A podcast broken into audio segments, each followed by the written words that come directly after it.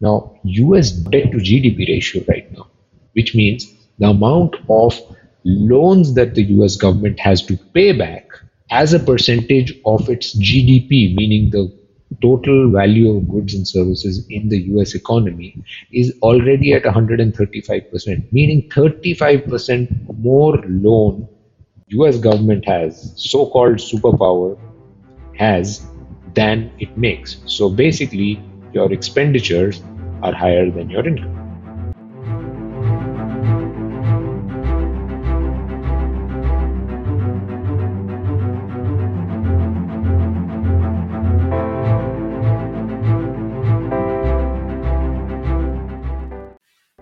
So Vishesh, one of the key features जो सब बात करते हैं बिटकॉइन के बारे में is its limited supply. There will only ever be 21 million bitcoins. Uh, so I wanted you to explain कि इसका क्या importance है? What is its significance? Okay, it has limited supply. So what? Why is it important when we compare it with our other money systems? Limited supply is uh, basically the core principle behind a store of value, right? Anything that is valuable is scarce, has limited supply, right? And that we can see in everything in life, right? Anything you look at, uh, if uh, is, is, sand valuable? No, it doesn't have limited. It doesn't have limited supply, unlimited supply, right? Take an example of a movie, right? Like we Indians love movies. We go, you know, when before the pre-pandemic times, BC, right? Before Corona, we had uh, people going to movie theaters and in movie theaters there are let's say 100 seats available and so there are 100 tickets. Those tickets are valuable right? Therefore because there is a limited supply and everybody on first day first show back in the day prices would be higher or they would even be sold in black uh, at one point of time because there is only so many seats. So limited supply always or scarcity always creates value. Therefore and the same thing uh, same principle applies to money. We have uh, we've talked about in the past humans have used seashells or salt or rice as money. But uh, they also discovered over time that these materials or these assets were not a great form of money because they did not have limited supply. And when something does not have limited supply it is not valuable. Uh, so the more supply of anything that you have and especially money the lower its value. Why does Bitcoin have limited supply? Because Bitcoin attempts to be the perfect form of money or the, a better form of money than fiat currency. Fiat currency, as we know it, US dollars or Indian rupees, do not have limited supply. They are under the control of central banks of our uh, countries and they can print them at will. In the US this year, as we know, US government has printed a lot of money as a response to the you know recession caused by the pandemic. Last uh, stimulus package that US released was about three trillion dollars. It is expected that this year alone, US has printed more money that it, than it printed in the first 200 years of its existence. That is the level of money printing that is happening right now. And so all this money printing and increasing the total supply of fiat currency in the system will eventually lead to inflation or debasement of the currency.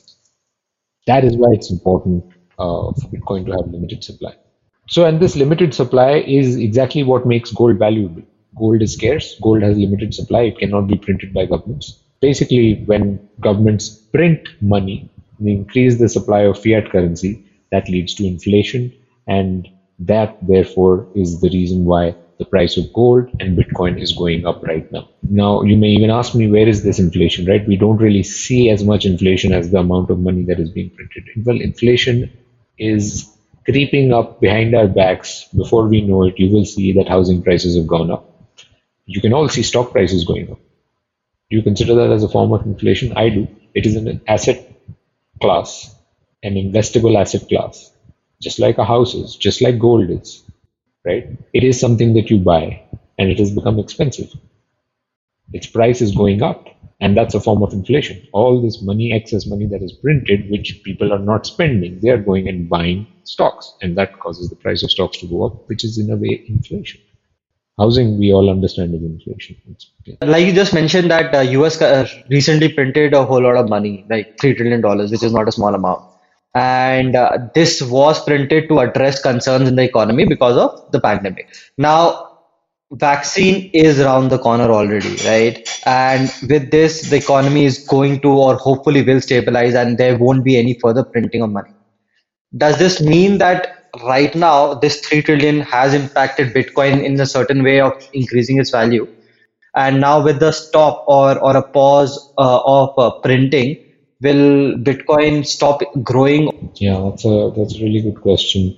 Uh, yeah, we focus so much on money printing this year, and this year all the bull run and you know the price rise in Bitcoin and the you know growth of Bitcoin has been attributed largely to money printing. But I'd like to point out a few things here. I think one thing let's establish is that Bitcoin was already at uh, around ten thousand uh, was was in the range of ten thousand US dollars per Bitcoin before the crash of the pandemic happened.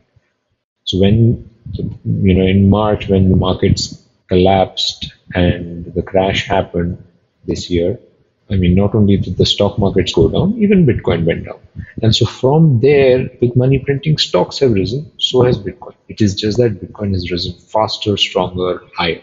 Point here being that Bitcoin was already very healthy and already at a very good price so if we look at it from where it was at the beginning of the year before the pandemic, it's basically gotten, you know, just pre-pandemic what its price was, we have basically doubled. There are many stocks that have doubled. So, you know, uh, it's not like Bitcoin's only growing because of money printing, but it the money printing has given it a lot of boost to recover from the lows of the crash.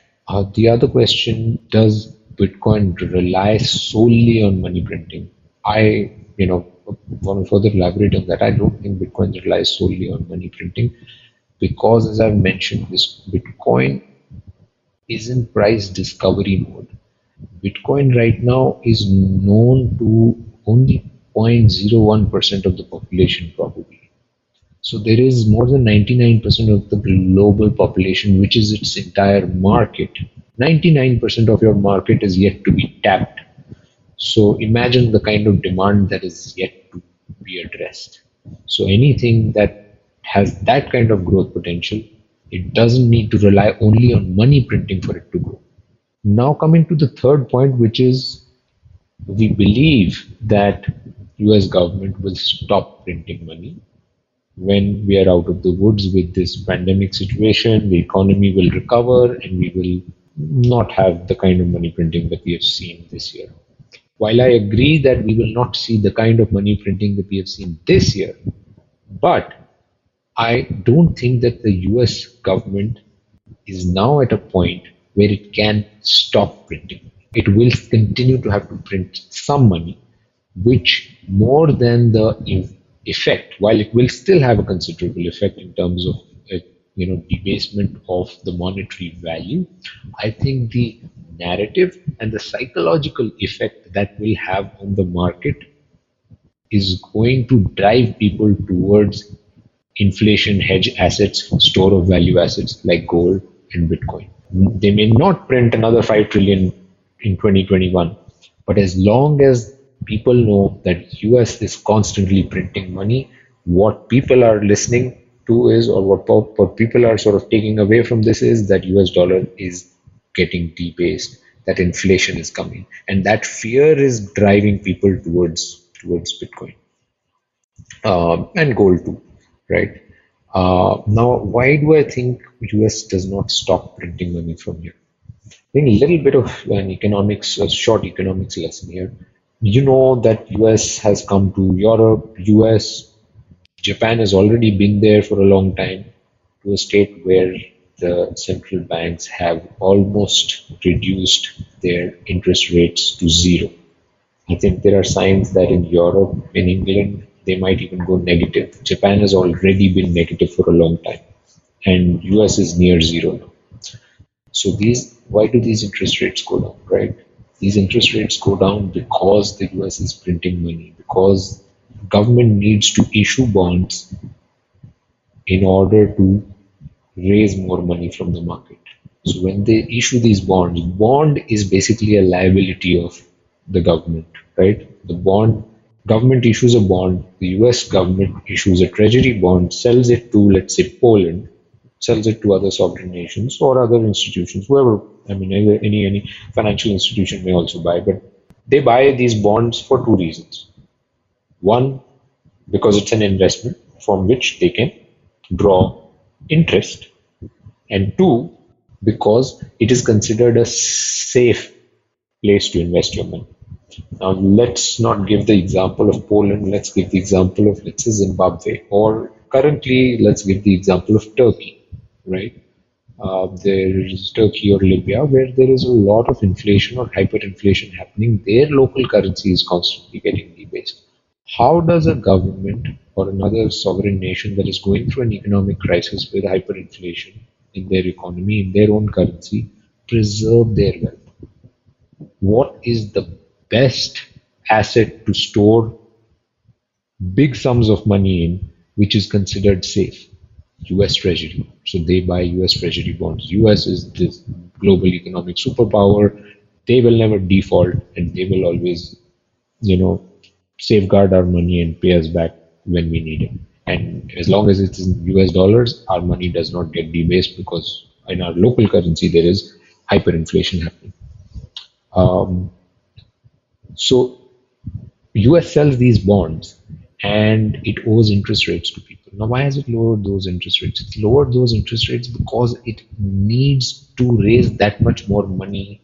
US needs that much more money to pump into its own economy, and it does not have a way to pay these interests.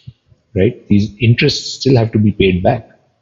Now, US debt to GDP ratio right now, which means the amount of loans that the US government has to pay back as a percentage of its GDP, meaning the total value of goods and services in the US economy, is already at 135%, meaning 35% more loan US government has, so-called superpower has than it makes. So basically, your expenditures are higher than your income. When your expenditures are higher than your income, what can you do? Where do you get the money from? how does a government raise money?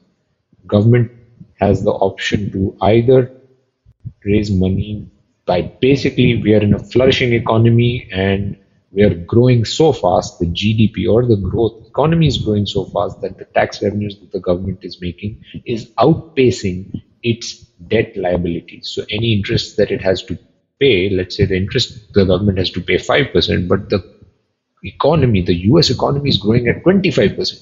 They're making so much more money from taxes through that that they are able to pay off these interests.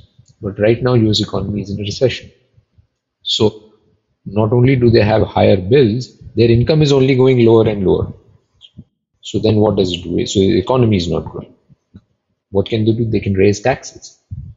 US is a democratic society. In a democracy, it's very hard. It's political suicide to raise taxes. If you raise taxes, you are no longer popular as political leader, and uh, that won't last in a democracy, unfortunately. That's one of the downsides of a uh, of a democracy. What else can the government do? Uh, it can either make money or save money. So it is going to try to save money. Austerity measures. Again, austerity measures, the kinds that are popular in Europe, in Greece. Again, another form of political suicide. US, the whole brand of the US, the whole culture of US is not about austerity. They're about consumerism. They're about spending. They're about not buckling down. They're not about surrendering to the situation. The US is the brand of the US is that we are big, bold, and out there, and we can, you know, tackle any situation. They're not going to accept as a culture any austerity measures. So again, form of political suicide only way out then remains is that the US government continues to print money to even service its current debts. Forget about any new debts it will raise or any new printing that it will do. It has to continue to print money to pay back the previous loan.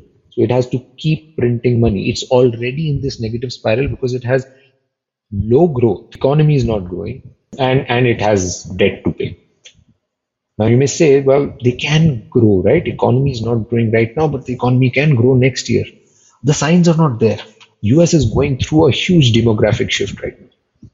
The largest workforce of the US population, right, of US, baby boomers, the wealthiest and the largest workforce is right now retiring out of the pop, out of the labor workforce.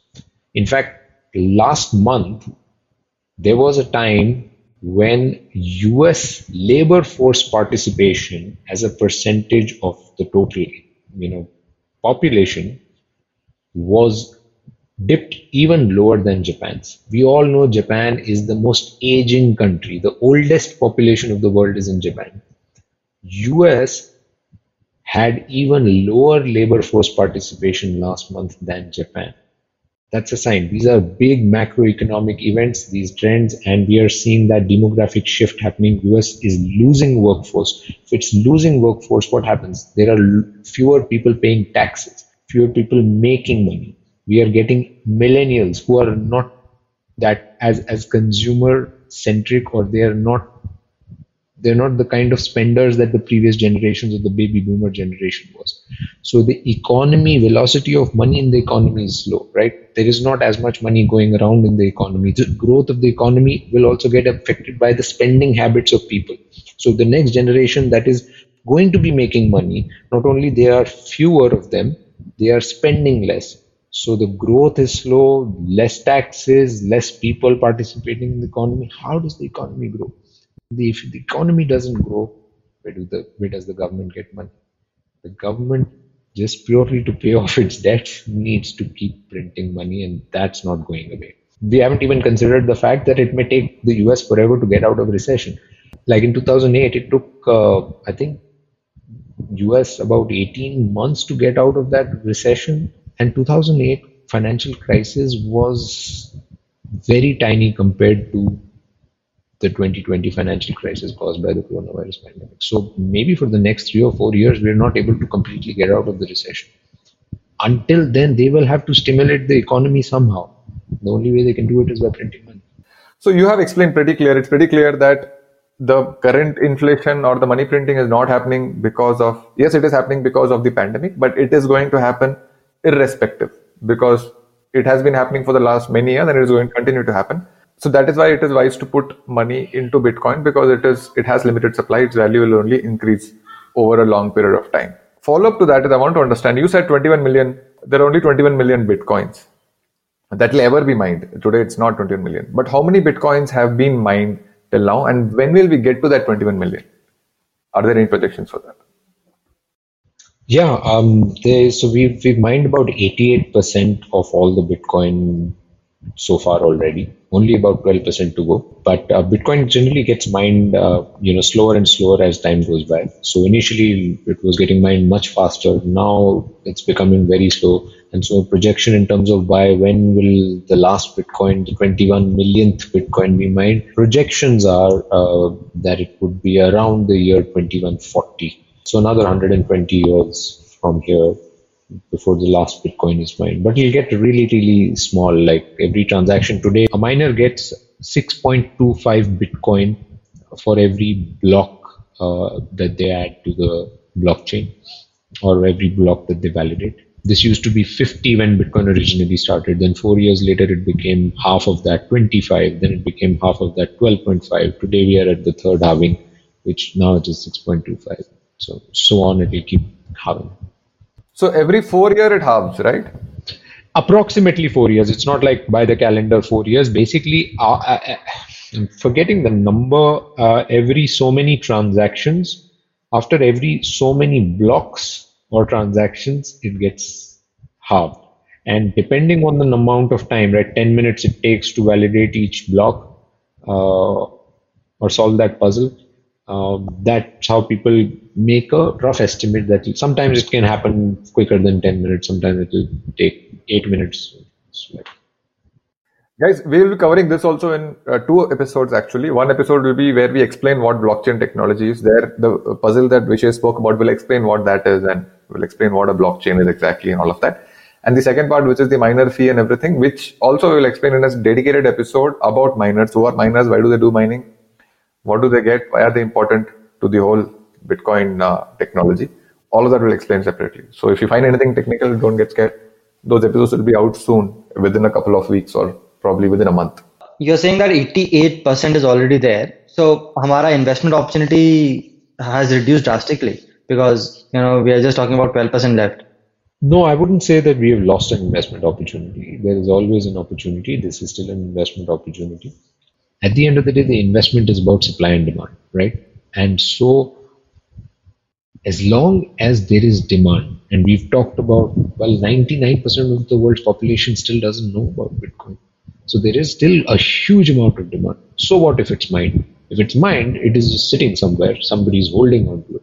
But its price will only grow when the market comes, you know, the demand for it comes.